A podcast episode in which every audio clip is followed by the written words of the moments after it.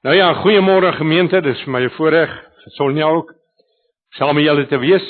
Ek wil vanmôre vir julle uh 'n gedeelte uit die woord uit bedien, uh 2 Korintiërs 5 vers 1 tot 8. 2 Korintiërs 5 vers 1, want ons weet dat wanneer ons aardse tentwoning afgebreek word, ons 'n gebou van God het. 'n Huis nie deur hande gemaak nie, ewig in die hemele. Want inderdaad, in hierdie een kreun ons terwyl ons begeer om ons woonplek vanuit die hemel bo-oor aan te trek. Sodat ons inderdaad ook wanneer ons uitgetrek is, nie kaal bevind sal word sal word nie, verskoon my. Want ook ons wat in die tent is, kreun terwyl ons bedruk voel omdat ons nie ontkleewel word nie, maar bekleewel word sodat die sterflike deur die lewe ingesluk kan word. Maar hy wat ons juis hiervoor voorberei het, is God. Hy het die Gees vir ons as waarborg gegee. Terwyl ons dus altyd volmoed is en weet dat ons weg van die Here woon, omdat ons in die liggaam inwoon, want ons leef deur geloof nie deur aanskoue nie, is ons volmoed en dink ons ook dis beter om weg te woon van die liggaam en om by die Here in te woon. Ons lees net so ver. Ek wil graag môre vir julle die woord bedien vanuit hierdie gedeelte. Maar net eers by wyse van aanleiding. Jy weet uh julle het seker meeste van julle het seker al van Richard Baxter gehoor. Hy was een van die bekendste van die ou Puriteine. En ehm um, hy was op 'n stadium baie baie ernstig siek hy het gedink hy gaan dit nie maak nie. Hy was maar 'n uh, 'n kwessie van 35 jaar oud, maar natuurlik in die antieke wêreld was selfs 35 al 'n redelike ryp leeftyd. en uh, terwyl hy op sy siekbed gelê het en verwag het om te sterf, het hy die gewoonte ontwikkel om 'n halfuur elke dag oor die hiernamaals te pyns. Ehm uh, hy skryf dan later jare want hy het genees geraak, hy herstel. Hy skryf dan later jare hoe baie hierdie praktyk oor die jare vir hom beteken het want hy het net voortgegaan met die praktyk omdat dit vir hom so baie beteken het.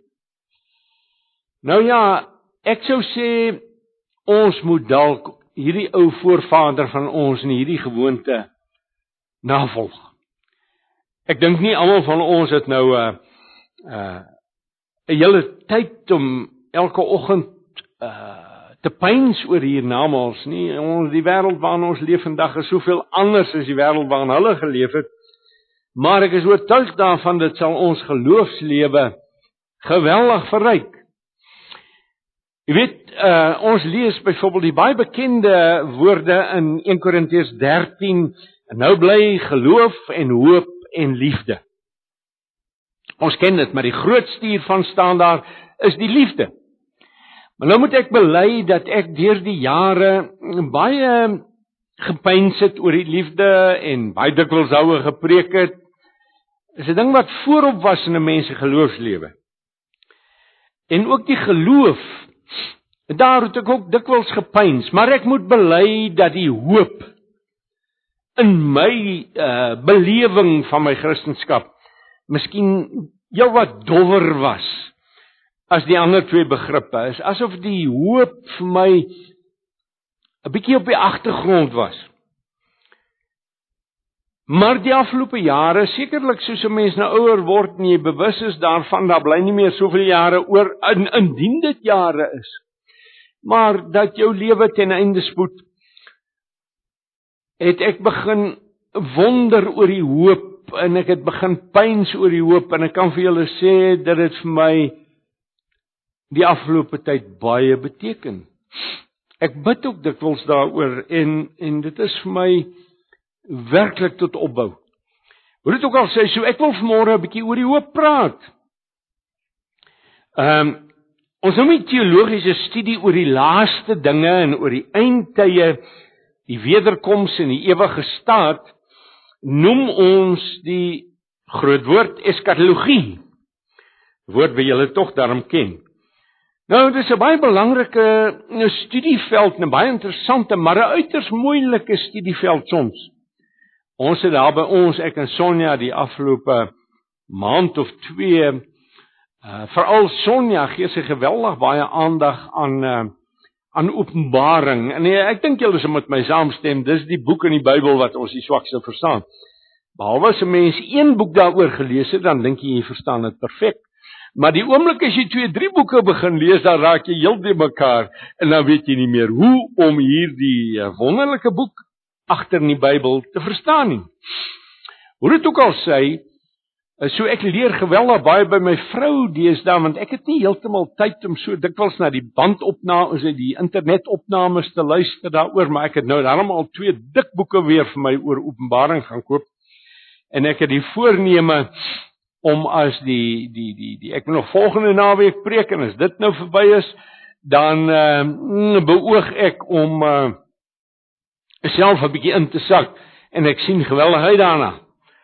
Hoe dit ook al sê, so die eskatologie is 'n baie belangrike volgens die Nuwe Testament baie belangrike dissipline in die teologie en in ons geloof. En uh, maar ek dink ek is reg as ek sê dat die meeste Christene Ek praat nou van die manne wat meer as een boek gelees het. Veral die wat meer as uh, Hel Lindsey gelees het, uh vind dat ehm uh, Openbaring is dalk die die boek van geheimenis en dan natuurlik sommige van die profeseë in die Ou Testament uh wat ook uh eskatologies van aard is. In elk geval dit is 'n belangrike studieveld en dit uh Dit bemoedig ons as ons regtig aandag daaraan gee. Maar die eskatologie is uiteindelik die inhoud van ons hoop. Want die hoop is ons geloof in die dinge wat in die toekoms lê. God se toekoms vir ons, dis die hoop. En miskien is dit hoekom die hoop vir my nog altyd 'n bietjie dof was. Te dof. In elk geval Op meer as een plek sê die Nuwe Testament vir ons dat die hoof, uh, dat die hoop vergewe my, saam met die uh, geloof en die liefde aan die hart lê van egte Christendom. Is nie net 1 Korintiërs 13 nie. Dink maar byvoorbeeld aan uh, 1 Tessalonisense 1 vers 3. Ek wil net kyk of ek dit vinnig kan kry. 1 Tessalonisense 1 vers 3. Ek lees weer die direkte vertaling. Hy sê dink aan die uh, terwyl ons onophoudelik dink sê die apostel daar aan die werk van julle geloof en die arbeid van julle liefde en die volharding van julle hoop. Jy sien hier het ons weer die drie begrippe geloof en hoop en liefde. En uh ag daar is nou nog in uh Hebreërs ook soortgelyke uitsprake. Ek gaan dit nou nie lees nie. Maar dit is baie duidelik dat vir die apostels was die hoop 'n baie belangrike saak wat aan die hart gelê het van hulle Christendom. Nou uh ek wil graag hieroor dis oor ons hoop in die inhoud van ons hoop net so 'n paar gedagtes met julle deel vanmôre. Nou uh as 'n mens na die na die skrif gaan kyk En uh, dan kom jy agter hoe dikwels aandag gegee word aan om weer die groot woord te gebruik, die eskatologie. In die eskatologie en die teologie word verdeel in twee uh noem dit maar twee dele. Die sogenaamde globale eskatologie wat handel of wat te doen het met die toekoms van die hele wêreld en die kerk as geheel, maar dan is daar ook die persoonlike eskatologie wat te doen het met die individu se toekoms. En dit is hieroor wat ek graag met julle wil praat oor die individu se toekoms môre. Ehm um, kom ons neem dit onder die loep net so vinnig, net so 'n bietjie oorsigtelik.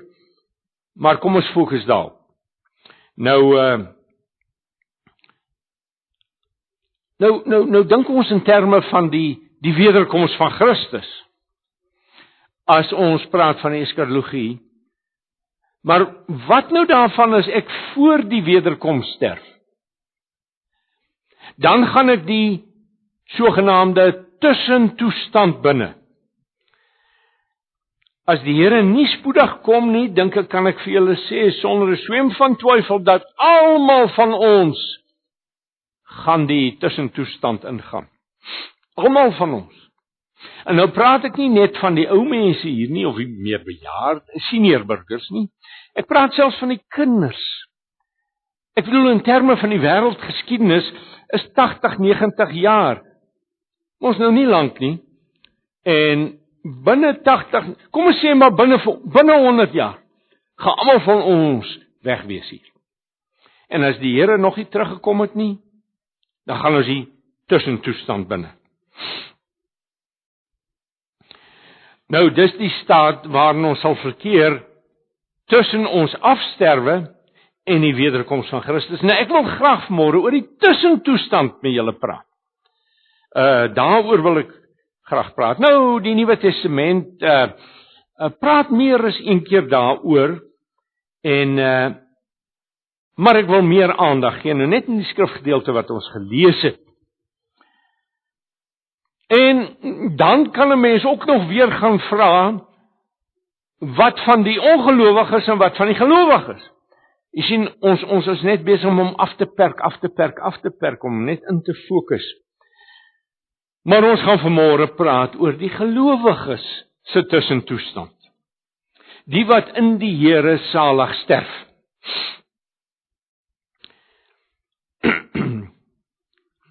nou waar gaan ons heen? Waar gaan ons die tussentoestand deurbring indien ons sterf voordat die Here Jesus terugkom? Nou in eerste instansie moet ons besef dis nie 'n plek binne ons dimensies van tyd en ruimte nie. Dit lyk nie vir my so nie. Die Bybel gebruik interessantheidshalwe uh net om vinnig daaraan aandag te gee, twee begrippe as dit daaroor praat, die hemel en die paradys. Die hemel, nou die hemel is 'n is 'n ryk begrip in die skrif en ons kan nie nou in besonderhede daarop insak nie. Al wat ek nou daaroor wil sê is dat die Bybel dit in ons voorhou as die woonplek van God. Dis die aksent. Dis die fokus as daar gepraat word oor die hemel. Met ander woorde, die Bybel gee nie vir ons enigstens 'n aanduiding waar dit is nie. Ehm uh, oor die lokaliteit nie, die hemel is waar God is. Dis die aksent van die skrif. En uh daar so moet ons daaroor dink oor die hemel. Met ander woorde, as ons sê ons gaan na die tussentoestand toe, dan sê ons eintlik ons gaan na God toe. Ons gaan na die drie enige God toe, die Vader, die Seun en die Heilige Gees. Wat die paradys betref, uh is daar nie veel wat daaroor gesê word in die skrif nie. Uh dit kom in die Nuwe Testament slegs 3 keer voor hierdie begrip, die paradys. Lukas 23, 2 Korintiërs 12 en Openbaring 2. Nou in Lukas 23 sê Jesus vir die misdadiger in die kruis, julle sal dit baie goed onthou, hy sê toe vir hom: "Vandag sal jy saam met my in die Julle onthou mos, die paradys wees. In die paradys wees. So ons kan dus met stelligheid sê dat dit is die plek waarheen die ontslape kinders van die Here God gaan om by hom te wees, die paradys. Nou oorspronklik is hierdie woord wat sê ek net 3 keer in die Nuwe Testament voorkom 'n Persiese woord. Dis 'n Persiese woord en ehm uh, dit dui op 'n ommuurde tuin of park. Dit is 'n baie mooi begrip in die oorspronklike taal, 'n tuin of 'n park. Daar is dus in die paradys skoonheid en vrede en orde. 'n Park is tog per definisie 'n plek van orde. Daar's tuiniers wat daar werk. Ehm um, ek sou nooit vergeet toe ons in die in die in Engeland was, die parke daar. Dit is ongelooflik die aandag wat hulle gee in die parke daar. Uh groot reusagtige parke. Uh en ons was ook een keer in in in in in waar was nou weer Sonja, China. Daar het hulle op die middelmanne van die stad, breë middelmanne. Ons was in Shanghai by ons kinders. Het hulle parke, daai middelmanne is reusagtige parke. En wat vir ons baie interessant was is dat daar vir elke bloklengte van so 'n middelman is daar een tuinier. So as jy oor 'n dwarsstraat gaan, dan kry jy 'n volgende tuinier. En weer oor 'n dwarsstraat 'n volgende tuinier. En dis al wat daai man doen, hy hou daai stuk park in hierdie dubbelstraat hou hy in stand, maar jy kan nie glo hoe mooi en netjies is dit nie. So, wat sê ek?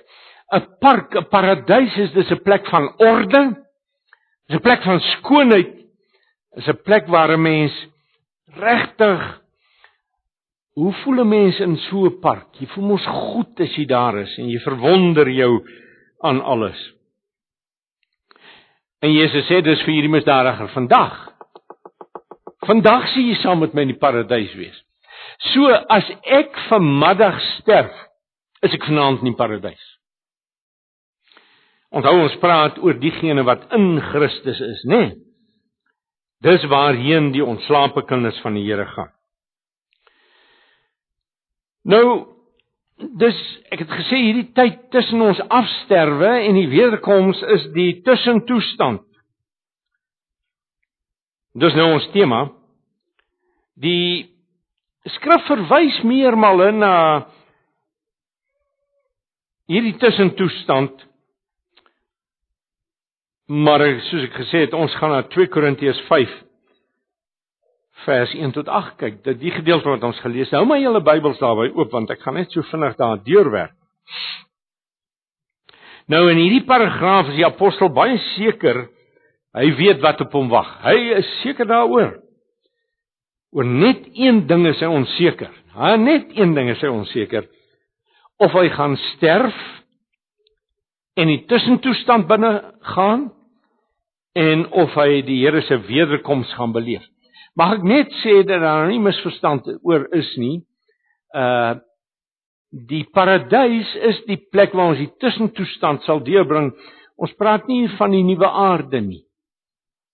Want dan is die nuwe aarde nog nie as ons in die paradys is nie. Want daar's nog mense hier op die ou aarde, jy sien. So die nuwe aarde wat nog heerliker lyk dit vir my sal wees as die paradys. Dit kom eers na die wederkoms. Hoe dit ook al sê, ehm um, ons gaan dan na die tussentoestand toe. Ons weet ook nie. Ons weet ook nie of ons nog die tussentoestand sal ingaan nie. En of ons direk na die nuwe aarde toe sal gaan.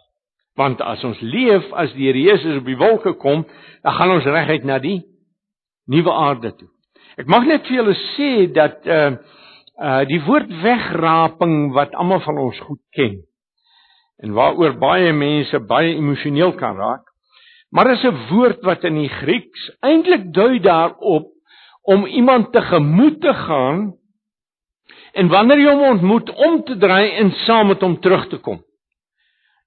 Dit het byvoorbeeld gebeur, gebruik is is gebruik as daar in die antieke wêreld sê net maar hoe waardigheidsbekleer uh, 'n stad kom besoek het dan het die stadsraadslede uitgegaan uit die stad uit om buite die stad ontmoet sê net maar by die spruitjie daai spruitjie vir hom gewag en as hy kom dan het hulle omgedraai en saam met hom die stad ingekom. So my oortuiging is dat as die Here Jesus kom ja ja ons sal hom tegemoet gaan in die lig maar nie te ver nie, dan sal ons hom ontmoet en dan sal ons terugkom saam met hom na die nuwe aarde toe. Hoe dit ook al sê, ehm um, die die die dis die om om dan op die nuwe aarde te bly, maar as ons sterf voor die tyd, gaan ons die tussentoestand binne. Die Here het sy disippels aangespoor om altyd gereed te wees hiervoor omdat hulle nie weet wanneer hulle gaan sterf nie, ons ook nie. Ons weet ook nie wanneer gaan die tussentoestand wees nie. En daarom moet ons altyd gereed wees om die Here te ontmoet. Uh soos 1 Johannes 3 sê, elkeen wat hierdie verwagting in verband met hom koester, hou homself rein soos Jesus rein is. As jy hierdie verwagting koester. En dis wat ek probeer vanmôre doen is om julle aan te moedig om meer hieroor te dink dat hierdie verwagting kan sterker en helderder word in julle. Dat ons die namals ernstig sal opneem. Dat ons met ander woorde die hoop uh, sal beoefen. En dit word dan uiteindelik 'n kragtige aansporing tot 'n heilige lewe. Nou goed, as ons nou na 2 Korintiërs 5 vinnig net kyk, ek vra dat julle die Bybel sal oophou, vers 1 daar praat van die aardse tentwoning. Die ou vertaling. Uh die aardse tentwoning. Uh dit is die manier waarop Paulus daar verwys na die huidige liggaam. Hierdie is my aardse tentwoning, julle sien. Ehm um, Dit is tydelik. En wanneer ons nou sterf, dan laat ons hierdie aardse tentwoning agter. Ons laat dit agter en ons gees gaan na die Here toe. Maar as hy praat van 'n tentwoning, hoekom 'n tentwoning? Omdat hy daarmee wil beklemtoon die broosheid en die tydelikheid van hierdie liggaam en hierdie lewe hier op aarde. Nou hierdie beeld word byvoorbeeld ook gebruik vir die Here Jesus se vernederde liggaam in Johannes 1 vers 14. Die woord het dit word vertaal, die woord het mens geword en ons kom woon, maar die die die die uh, Grieks daar praat eintlik van 'n tentwoning. En uh is asof hy wil sê die Here Jesus het tydelik kom tent opslaan hier onder ons. Maar sê die Bybel vir ons, hierdie tent sal vervang word met 'n onverganklike en permanente woning deur God self gemaak. 'n Onverganklike en 'n permanente woning, 'n nuwe en 'n verheerlikte ewige liggaam. Ek sien nou dame hier sit wat 'n mediese dokter is. Ek is bevrees jy gaan nie werk nie. Uh maar jy sê jou nuwe liggaam so geniet dat jy nie werk sal soek nie. Sê en jy gaan 'n werker. Want ons gaan nie ledig sit op die nuwe aarde. Ek praat nou van die hiernamaal, jy weet van die finale staat. Ons gaan nie ledig wees nie. Ons gaan ons gaan aktief wees, ons gaan besig wees dink ek. Ehm uh, maar dit gaan sinvol wees en dit gaan vir ons 'n vreugde wees. Maar in 'n geval om terug te keer na die teks, as Paulus sê dat hierdie ewige gebou nie met hande gemaak is nie bedoel hy nie dat ons huidige liggame wel met hande gemaak is nie. Hierdie frase in die Nuwe Testament se tegniese uitdrukking ehm uh, net dit vir dit wat aards is. Dit is met hande gemaak is aards. So die vers waarna ons hier kyk in 1 2 Korintiërs 5 5 vers 1 met ander woorde verduidelik dan dat eh uh, hierdie liggaam met hande gemaak is. In aanhalingstekens is met ander woorde behoort tot hierdie wêreld, dis tydelik, dit sal vergaan wanneer ons tot sterwe kom. Die liggaam sal wel opstaan, maar dan is hy nie meer met hande gemaak nie. Dan is hy 'n ewige verheerlikte liggaam. En daar is, lyk dit vir my volgens die skrif 'n baie duidelike kontinuïteit as ek die woord kan gebruik tussen hierdie liggaam wat ek nou het en die liggaam wat ek dan sal hê. Ek is nie seker wat die aard ons weet nie wat die aard daarvan sal wees nie, maar daar is 'n sekere kontinuïteit. Hoe dit ook al sê, kom ons kyk na vers 2. nou vul Paulus sy beeld aan. Hy beskryf die liggaam nou nie net as 'n huis nie, maar ook as 'n kledingstuk. Ons verlang sê hy dat ons uiteindelike hemelse huis uh, soos klere vir ons aangetrek sal word. Ons uiteindelike hemelse huis. Die woord oorklee of oordek is betekenisvol hier. Uh hiermee wil die apostel sê dat ons begeer dat ons verheerlikte liggame uh sommer dadelik oor ons ou liggame aangetrek sal word. Ons het nie regtig 'n begeerte om begrawe te word en om sonder 'n liggaam te leef vir die hele tyd nie. Ons wil so graag die ewige finale staat ingaan en sommer direk met ons nuwe liggame oorklee word, maar soos ek sê, Paulus moes die graf ingaan en as die Here nie gou kom nie, gaan almal van ons die graf ingaan. Maar hy, hy sê ons begeerte is eintlik dat die nuwe liggaam onmiddellik vir ons aangetrek word, soos mens byvoorbeeld 'n trui, dis die Griekse begrip daar, soos jy 'n trui aantrek bo 'n hemp byvoorbeeld. En dan presies wat hy hiermee bedoel, uh verduidelik hy vir ons in vers 3 en 4. Hy sê ons wil nie graag eers uitgetrek word nie. En vir 'n tyd lank nakend, met ander woorde sonder 'n liggaam. Uh wees nie in 'n liggaamlose toestand wees nie. Hy sê as ons dus in hierdie lewe verlangend sug, is dit nie 'n verlange na die naakte toestand nie. Uh dis 'n begeerte om sommer dadelik ons nuwe liggame te ontvang. En ek dink julle is met my saamstem, dit is so. Is asof 'n mens ek wonder dikwels as ek daaroor nadink, hoe gaan dit wees om sonder 'n liggaam te wees? Net 'n gees te wees. Is asof 'n mens wens jy kan sommer direk jou nuwe liggaam kry. En sommer direk jou voete neersit op die nuwe aarde. Is dit nie so nie? Uh maar Ekskuus tog julle. Ek het so 'n bietjie 'n keelprobleem. Is jy anders as die Griekse filosofie, die Christelike boodskap hier? Uh die apostel dink nie aan die menslike gees as op sy gelukkigste as hy sonder 'n liggaam is, soos die Griekse filosofie dit wil hê nie. Uh vir hulle is dit 'n kwessie van as jy vry is van die liggaam, as jy op jou vryste en op jou gelukkigste. Maar dis natuurlik 'n heidense filosofie. Nee, nee, nee. Uiteindelik is ons oë gefestig op die finale staat. Maar ons moenie dink dat hierdie toestand van naaktheid uh in die paradys sleg gaan wees nie. Dit sal wel subnormaal wees nog. Dit gaan nog nie finaal wees nie. Dit gaan nog voorlopig wees. Daar wag nog 'n groter 'n dieper 'n heerliker heerlikheid op ons wanneer die Here Jesus terugkom en ons liggame sal opstaan en ons oorklee sal word met die nuwe liggaam. Maar kom ons spring nou net 'n paar verse en gaan ons na vers 8 toe. Vers 8, daar sê Paulus dat eh, ten spyte van alles uh wat hy in die eerste paar verse geskryf het, verkies hy nogtans eerder om te sterf as om in hierdie lewe te bly. Waarom is die naakte staat dan sonder liggaam en die tussentoestand beter as hierdie lewe in die liggaam? Wel vir hom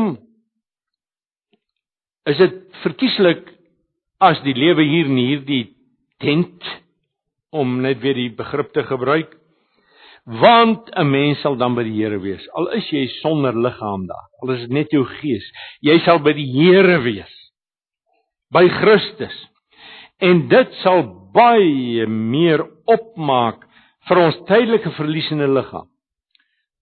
Dit sal dus 'n baie heerliker staat wees, selfs die tussentoestand.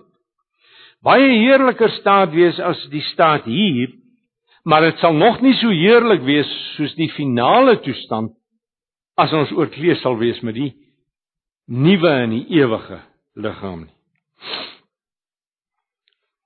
So In 2 Korintiërs 5 vers 7 dan as ek net weer kan teruggaan na daai verse toe, sê hy al leef ons dus nog in hierdie liggaam, hierdie tent woon. Is ons volmoed. As jy as twee redes voor. Eerstens is hierdie dinge God se plan met ons. Dis sy inisiatief en hy weet as ek dit in respek kan sê, hy weet presies wat hy doen met sy kinders. En tweedens sê hy is die inwoning en getuienis van die Gees ons waarborg dat ons na die Here toe op pad is. Nou in hierdie voorlopige gebroke toestand hier op aarde woon die Gees al in ons. En weet ons, dit hou vir ons die belofte in dat ons na die Here toe gaan. Hy sê en daarom leef ons hier deur geloof, nie deur te sien. Goed, dit is nou maar 2 Korintiërs 5. Ehm uh, maar kom ek vat dit net saam. Wat Paulus meer as enigiets anders verlang is om steeds te lewe wanneer die Here Jesus terugkom. En dis dis nie on on on ongeestelik of verkeerd om te begeer om daarom nog sommer direk die ewige en finale staat in te gaan. Uh om om eintlik maar te begeer jy kan die die tussentoestand kan boer dit spring. Dis nie verkeerd nie.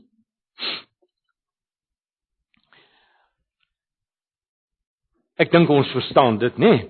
Maar sê selfs al moet ons dan voor die tyd heen gaan of sterf, is die onnatuurlike en minder as ideale liggaamlose tussentoestand steeds baie beter as ons lewe hier en nou as Christene. Want selfs in die tussentoestand is ons reeds by die Here. Uh, in 'n geval is tydelik. Dis tydelik. En laat ek net sê, dit gaan vir ons baie korter wees as dit as wat dit is vir Paulus wat hier geskryf het. Hy is al 2000 jaar nie tussen toestand. Miskien sal ons wel nie miskien nie ons sal verseker baie korter in die tussen toestand wees indien ons voor die wederkoms sterf as hy. Hoe dit ook al sê, wat sê dit dan nou vir ons? Ek wil net een of twee of drie uh opmerkings maak wat toepassing betref. So ek wil sê dis ons moet erns maak met die Christelike hoop. Ek wil julle aanmoedig vanmôre om soos Richard Baxter meermale te pyns oor die tussentoestand en oor die hiernamaals. Broers en susters, ons leef in 'n tyd waar daar geweldig baie gemaak word as daar van Christendom gepraat word. Ekskuus tog. Van hoe ons hier moet lewe. En is goed en is reg. Ek het nie 'n probleem daarmee nie. Maar daar word nie veel aandag gegee aan hierdie aksent wat ek vanmôre vir julle voorhou. Daar word nie soveel gepraat van die heerlikheid hierna en waarheen ons op pad is. Daar word jy weet mense frons as jy baie daarvan sal maak nie 'n vreemdeling en bywoner hier op aarde is. Ek vind egter in my lewe as ek nou maar net daarna kan verwys dat ek dit al hoe sterker beleef ek is 'n vreemdeling en 'n bywoner. En daar is so baie dinge in hierdie wêreld wat aan die gang is waar mense opgewonde word en hulle maak hulle druk daaroor. Ek sal na die nuus dan kyk en dit raak my nie te veel nie. Dit raak my nie te veel nie. Ja, ek stel belang in die ANC konferensie oor week. Ja ja, natuurlik. En ek het my voorkeur kandidaat vir die presidentskap En en en so maar ek gaan nie regtig, ek gaan nie opgewonde raak daaroor nie. Hoekom nie? Want 'n mens is inges ons is Christene, regte Christene. Ons is op onderweg man, ons is onderweg. En dit lê nie meer vir ons ver in die toekoms nie. Dan is ons daar. Jy sien, so ons moet bymaak van die Christelike hoop. Ten spyte daarvan is dit tog so dat ek al meermale gevoel het dat ek so 'n bietjie neerslagtig wil raak oor die feit dat ek besig is om oud te word. Besig dat die tyd vir my uitloop en dat ek allerlei pynne begin ontwikkel wat ek nooit gehad het nie en uh my liggaamskragte neem 'n bietjie af en uh dit raak net al hoe meer werklikheid. En as ek nog met so 'n vrou getrou het ook Maar ek is oortuig daarvan. Daar's net 'n manier om om hierdie eh, ek kan net vir julle sê sy's baie meer opgewonde veral as sy so 'n openbaring luister die afgelope tyd. is sy baie meer opgewonde nog oor die toekoms as ek. Is nie so nie Sonja, ek dink so. Ja, sy steek haar duim op. Maar ek is tog oortuig daarvan dat daar baie uh, dat daar eintlik net een manier is, nie baie nie, net een manier is om hierdie werklikhede te hanteer. Ons moet ons oefen in die Christelike hoop. Soos ek reeds gesê het en reeds beklemtoon het, maar net weer wil onderstreep. Ons moet die dinge waaroor ons praat weer en weer oordink. Ek wil julle sterk aanmoedig wat dit betref. Want die lewende hoop is een van die kosbaarste gawes wat die Here vir ons gee in hierdie lewe. Vir die ongelowiges, veral vir die bejaardes, moet elke doodsberig seker klink soos die geknars van 'n buil se sleutel in 'n ter dood veroordeelde se seldeur. As baie bekende professor op baie bekende professor op Stellenbosch met wie hulle onderhoud of was dit 'n nou, o nee, ek het nie koerant gelees. Nou onlangs, ek gaan nie sy naam noem nie. Hy's 'n ongemaklike man, hy kan nou dalk vir lasterdag vat. Maar nou onlangs gelees dat hy openlik sê hy glo nie in hiernamaals nie, maar hy hy hy nou 'n terminale siekte en hy's besig, hy's op sy laaste maar hy glo nie in die namens. Nou toe vra ek myself af, hoe moet so 'n man dit hanteer? Ek weet nie. Maar op 'n manier kry dit gehanteer. Hy seker 'n sterker persoonlikheid as ek. Maar ek probeer my indink hoe ek dit sou hanteer. Ek weet nie hoe ek dit sou kon hanteer nie.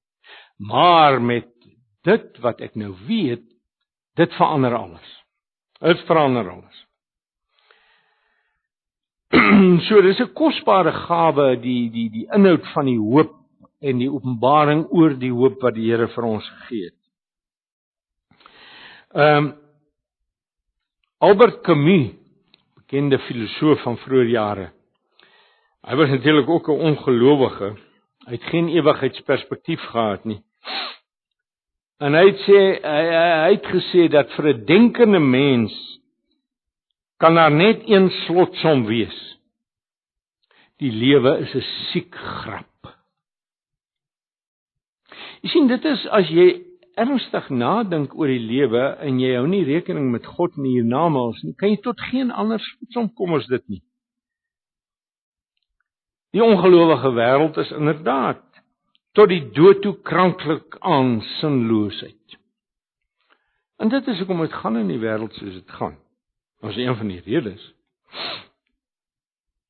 Maar as die dinge waaroor ons môre besin op die tafels van jou hart geskryf is, dan sê jy saam met die pioniersendeling in Burma, Adoniram Judson, uh kan sê luister net na hierdie kostelike uitdrukking van hom. Hy sê wanneer Christus my roep, sal ek gaan met die uitbundige blydskap van 'n skoolseun wat vir die somervakansie by die skoolhek uithardloop.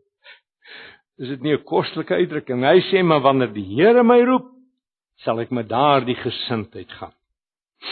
Dis die eerste punt van toepassing. Die tweede punt van toepassing is Christus in die middelpunt van jou hoop. Is tog 'n logiese vraag nou om te vra. 1 Timoteus 1:1 kry 'n kort frase wat die hart van die lewende hoop se inhoud verwoord. Waar daar gesê word Christus Jesus ons hoop. Christus Jesus is ons hoop. Dit is die heerlikheid, die die die sentrum, die hart van die verlange wat ons het vir die toekoms. Ons gaan by die Here wees. Dis die hart van ons hoop. Nog een van die ou vaders, Andrew Bonner, het dit so gesê. Het gesê: "Ag Here, mag ek so Simeon heen gaan met Christus in my arms." Maar natuurlik ons kan die beeld omdraai ook, is dit nie? As die dood my eendag neervel, sal ek in Christus se arms intuimel. En die van ons wat ware gelowiges, broers en susters, ons kan ons verlustig hierin. En dan net die laaste punt wat ek onder julle aandag wil bring, maak seker jou hoop is eg. Maak seker daarvan, maak seker daarvan. Moenie dink omdat jy aan Antipas behoort. Moenie dink omdat jy aan 'n gemeente behoort. Moenie moenie eers dink omdat jy 'n prediker is nie. Moenie dink omdat jy 'n sendeling is of wat ook al dat alles sommer sonder meer pluis is nie. Reg is nie. Maak seker, maak seker, maak seker bedikwels daaroor. As jy nie soos Paulus jou vreugde kan vind dat jy by Christus sal wees nie. Met ander woorde, ek praat nou meer met mense wat as ongelowiges hier sou sit. Ek glo nie hier is eintlik nie, maar nou ja. As jy nie jou vreugde daarin kan vind dat jy ten spyte van die tussentoestand se naaktheid by Christus sal wees nie. hang daar natuurlik 'n groot vraagteken van egtheid oor jou kop. So vra jouself af, waar is jy wat hierdie ding betref?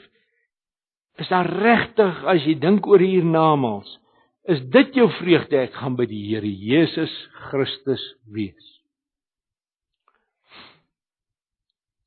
Onthou, die hoop is bloot 'n vooruitgerigte geloof.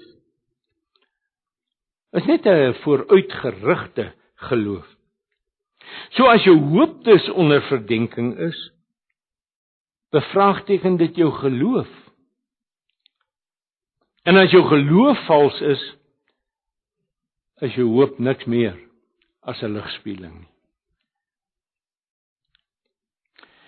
Maar kom ek sluit dan af net met hierdie gedagte. Die dood is nie 'n ewige duisternis wat oor ons sal neerdal nie. Dis nie wat die dood vir ons is nie. Dis die doodblaas van 'n kers omdat die dag gebreek het. Mag die Here julle seën as julle oor hierdie dinge gaan pyns, as julle hieroor gaan nadink en as jy dalk meer maak van die hoop in julle geloofslewe. Kom ons bid saam. Here ons God, ons wil net vir U baie baie baie dankie sê vir ons heerlike erfenis in Christus. Dat ons mense van hoop kan wees, ja, van geloof en van liefde, maar ook van hoop. O Here ons God, baie baie dankie dat dit ons kan bemoedig Ons weet waarheen ons op pad is. En ons weet dat dit wat die toekoms vir ons inhou heerliker is as wat ons nou beleef. Ons prys u heilige naam want ons sal by u wees. Amen.